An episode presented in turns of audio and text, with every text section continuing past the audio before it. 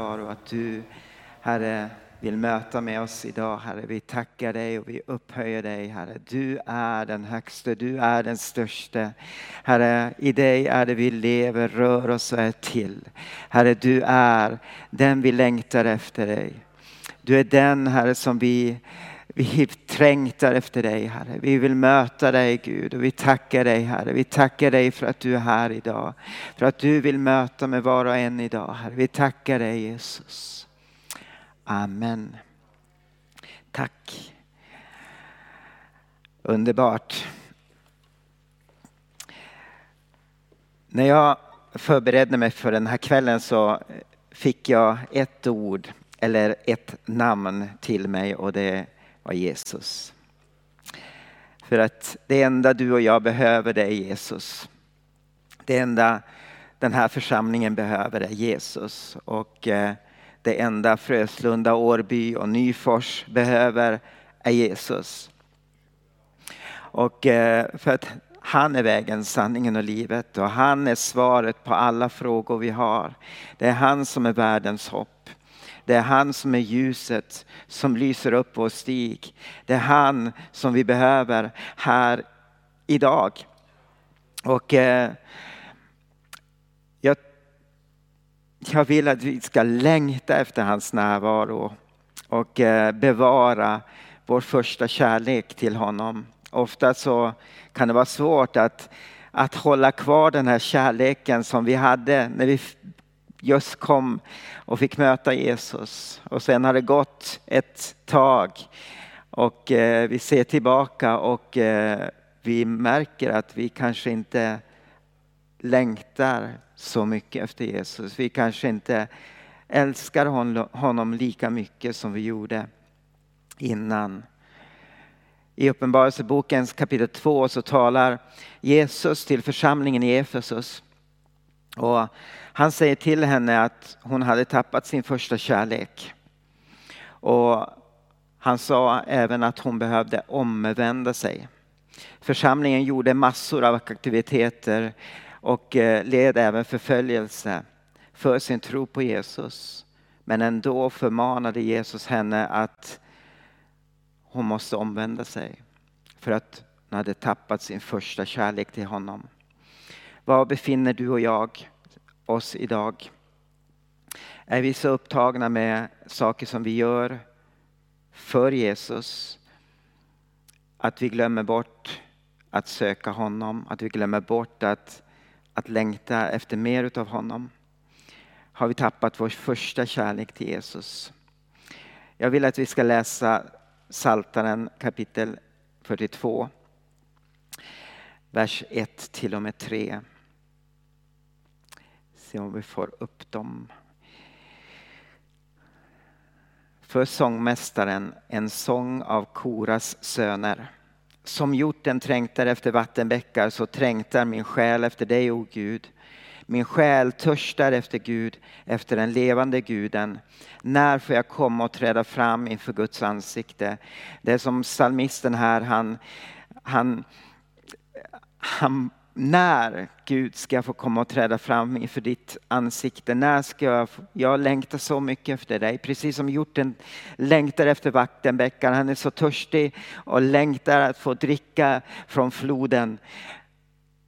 Så mycket längtar jag, trängtar jag efter dig. När ska jag få komma och träda fram inför ditt ansikte? Och i Psaltaren 73.25 så säger psalmisten också, vem har jag i himlen utom dig? När jag har dig frågar jag inte efter något på jorden. När vi älskar honom med allt som finns i oss finns det ingenting här på jorden som vi frågar efter. För att han är allt som vi behöver. Och eh, jag vet inte var du befinner dig. Eh, har du en sån längtan efter honom? Det står att alla våra källor är i honom. Det är honom vi kommer till när vi vill, när vi behöver någonting. Han är den som vi ska söka. Jag tror att vi har en gudagiven längtan, ett hjärta som längtar efter helighet. Att endast tillhöra Gud, att endast tillhöra honom. Och när man talar om helighet, ni vet att vara avskild till Gud, att tillhöra endast honom, så leder det oss att tala om väckelse. Jag tror jag har tagit det här exemplet en gång förut, men jag tycker att det är så bra så jag vill ta det igen. Det var en missionär på Salomonöarna och han, där upplevde de en stor väckelse och det var någon som frågade honom vad väckelse är. Och den här missionären han sa att tänk er att komma in i en mäktig persons slott, en kung eller premiärminister. Och du förs in i den här mäktiga personens närvaro och märker att han tittar inte på dig utan han tittar över dig när du kommer in där. Och du vänder dig om och märker att dina skor lämnar stora avtryck av lera. Och eh, du upptäcker att den här personen, den här mäktiga personen, kanske kungen, stirrar på dig och du känner dig väldigt obekväm. Som om du skulle vilja försvinna. Det här är vad väckelse är. Du blir den du verkligen är i Guds närvaro och hans blick är på dig. En blick från heliga ögon och varje synd, varje misstag är som leriga avtryck och du vill bara gå ner på dina knän och torka bort all smuts med dina tårar. Men du har inte tillräckligt med tårar att göra det. Så istället gråter du ut i hans närvaro, i omvändelse till Gud och ber om nåd. Och Gud ger dig nåd och tvättar dig ren så att du känner dig ren och förlåten. Och du fylls av en glädje och tacksamhet och är helt förvandlad. Om du och jag ska förvandlas och bli mer lik Jesus måste vi längta efter det. Vi måste söka efter det. Längtan efter att bli heliga, att göra upp med synd och världslighet. Längtan efter Jesus och endast Jesus. Nu kommer vi till, till Johannes kapitel 7 och eh, ni känner nog till den här, det här sammanhanget. De firar lövhyddodagen i Jerusalem. Och eh, mitt på den här dagen så ställer sig Jesus upp i vers 37 till och med 39. Då står det att på den sista dagen, den största i högtiden, stod Jesus och ropade om någon törstar så kom till mig och drick. Den som tror på mig ur hans innersta ska strömmar av levande vatten flyta fram som skriften säger. Detta sa han om anden som det skulle få som trodde på honom. Ty anden hade ännu inte blivit utgjuten eftersom Jesus ännu inte hade blivit förhärligad. Jag är förvissad om att väckelse och förkrosselse är församlingens stora behov just nu. Om vi vill se en förändring i vårt land, i vår stad, så behöver församlingen gå ner på knä. Vi behöver bli förkrossade. Vi behöver söka Gud för att han ska komma och förvandla oss. Du och jag, vi gör ofta de rätta sakerna. Vi, jättebra saker. Vi har en massa projekt för Gud och för människor. Och vår tillfredsställelse kommer ofta när vi gör någonting för Jesus men inte, vi har inte vår tillfredsställelse i honom. Vad är väckelse? Vi har precis hört en definition av väckelse. Men vad är inte väckelse? För det första så är det inte församlingstillväxt. Det är inte så att människor kommer till tro av väckelsen. Det är en frukt utav väckelsen. För att i grund och botten så handlar väckelse om församlingen. Väckelse är när troende vaknar till liv igen, förnyar sitt liv. Och själva ordet väckelse antyder ju att någonting som haft liv är dött och får liv igen. Livet blir återupprättat. Och i en, en, en pastor han sa så här Väckelse och evangelism, även om de är nära relaterade, kan inte förväxlas. förväxlas. Väckelse är en erfarenhet i församlingen och evangelism är församlingens uttryck. När du och jag som troende blir förnyade så kommer uttrycket av den förnyelsen att vi går ut och gör lärjungar av alla folk. Och Johannes 7 är ett mycket lämpligt avsnitt när man talar om väckelse och att söka Gud. Och Jesus han gav oss den här inbjudan att om någon törstar, kom, så kom till mig och drick. Och Jesus han använder här bilden av törst. Du och jag, vi kan inte leva av utan vatten. Den person som är utan vatten, han är på väg att dö. Vad behöver han? Han behöver dricka. Vad behöver du och jag? Vi behöver en påfyllning. Kom och fyll på, heter den här bönekvällen. Kom och fyll på. Vi behöver dricka av det vatten som Jesus ger. Platsen för den här berättelsen lövhyddohögtiden. Och Jesus befann sig i Jerusalem under den här härliga festen som var den mest festliga, den mest glädjefyllda tiden i Jerusalem i den judiska kalendern. Och den hölls under sju dagar och människor kom från hela, hela Israel för att fira den. Och på den här lövhögtiden så fanns det en intressant vattenritual. Varje dag under dessa sju dagar så vandrade präster i ett tåg från Siloamdammen till templet och de hällde ut vatten vid altaret till ett offer till Herren. Och i ett land där det inte finns så mycket vatten var det ett mycket dyrt offer att hälla ut vattnet till ett offer för Herren. Så att ingen tvekan på att det symboliserade att de behövde Gud mer än fysiskt vatten. Och den här vattenritualen omfattade, omfattade också att man läste offentligt ur Sakarja kapitel 12 och Hesekiel kapitel 47. Och båda de här texterna är ju eskatologiska i sin natur, det vill säga de talar om framtiden. Och de ser in i ändens tid då vatten skulle flöda ut från templet och ge liv och välsignelse till Guds folk. Och på festens sista dag så var det höjdpunkten. Då bar översteprästen en gyllene skål som var full av vatten. Och när de kom fram till vattenporten på den södra sidan av den inre gården så ljöd en trumpet tre gånger. Och sen så tågade prästerna runt altaret medan man sjöng psalmerna 113 till och med 118.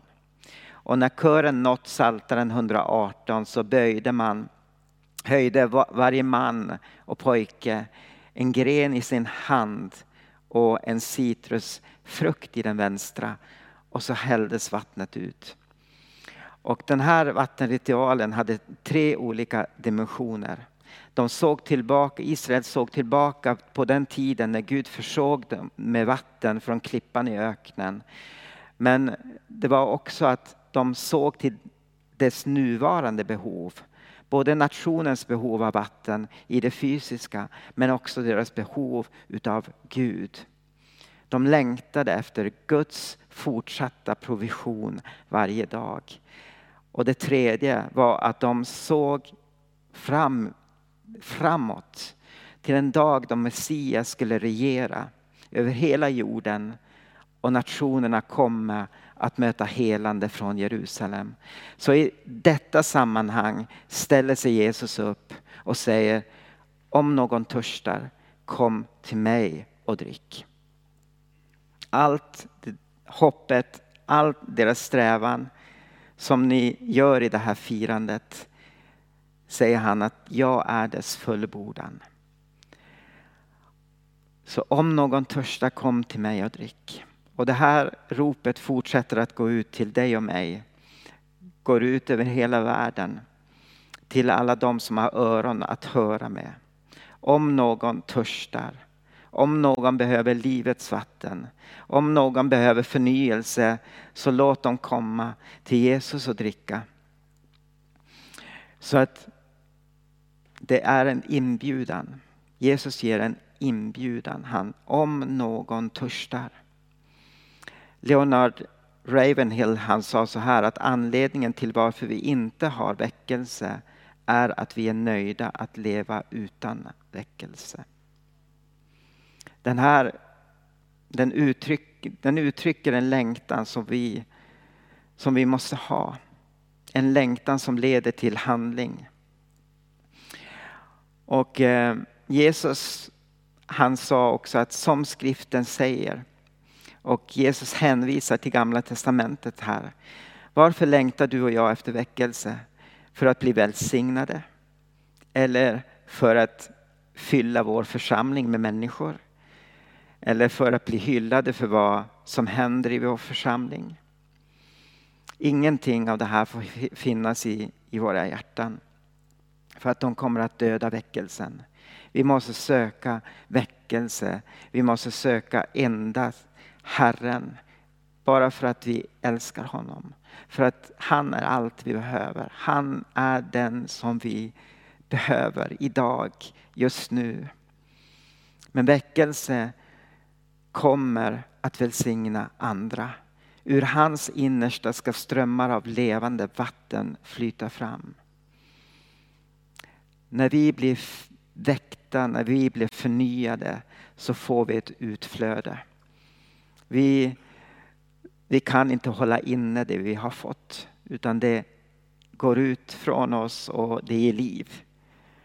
Och eh, så är det med, ni känner till det med Döda havet som inte har, de har bara ett inflöde men inget utflöde och därför så är det dött. Men alla de sjöar som har ett inflöde och utflöde, det lever. Därför måste vi också ha ett utflöde för att det ger liv.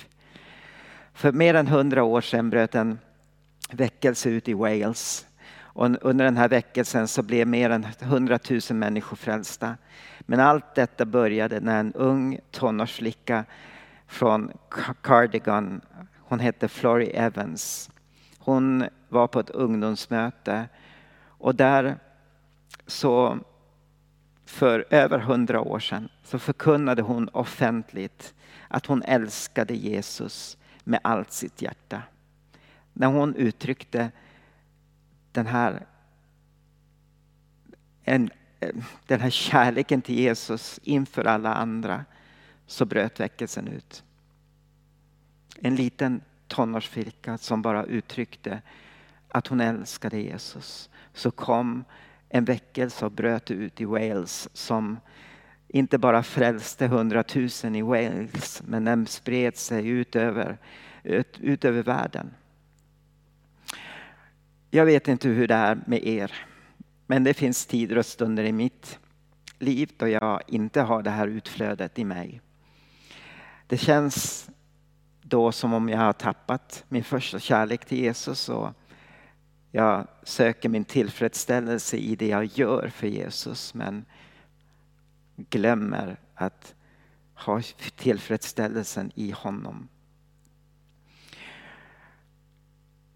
Jag nämnde Uppenbarelseboken och det Jesus sa till församlingen i Efesos. Jag vill läsa den, de två verserna i Uppenbarelseboken kapitel 2, vers 4 och 5. Jag vet inte om jag gav er dem. Men det har jag emot dig, att du har övergett din första kärlek. Tänk därför på varifrån du har fallit och omvänd dig och gör dina första gärningar. Annars, om du inte omvänder dig, ska jag komma över dig och flytta din ljusstake från dess plats. Det här är ett väldigt allvarligt ord från Herren. Så om vi har förlorat vår första kärlek till honom Låt oss vända om. Du själv känner dig bäst själv. Låt oss inte vara likgiltiga. Låt inte världen komma in i våra liv och förstöra oss. Utan Jesus är svaret på alla frågor som du och jag har. Han är den som du och jag behöver söka. Herre, vi tackar dig. Herre, vi är så glada, vi är så tacksamma för allt det du har gjort här för oss. Vi tackar dig för att du gav oss en inbjudan att komma till dig om, om vi törstar. Herre, Du ser var och en av oss. Du ser kanske det, den här törsten har falnat i våra liv, Herre. Jag ber dig Gud att du ska komma och väcka den här törsten till liv igen. Herre, kom och möt med oss, Herre. Du ser var, var vi befinner oss. Herre, vi, vill, vi, vi vet att förutom dig så kan vi in, ingenting göra, Herre. Vi behöver dig, Herre, för att kunna leva. Vi behöver dig, Herre, för att kunna leva ett utgivande liv, Herre. Och vi ber dig, Gud, att du ska komma och förvandla oss. Herre, vi vill inte att du ska utspy oss ur din mun. Vi vill inte att du ska komma och ta ljuset ifrån oss, Herre. Vi vill att du ska komma, Herre, och komma till våra sammanhang, komma till oss personligen, Herre. Vi ber dig Gud, kom, väck oss till liv igen. Förnya oss, ge oss på nytt en frimodig ande, Herre. Vi ber dig Herre, kom igen Herre. Amen.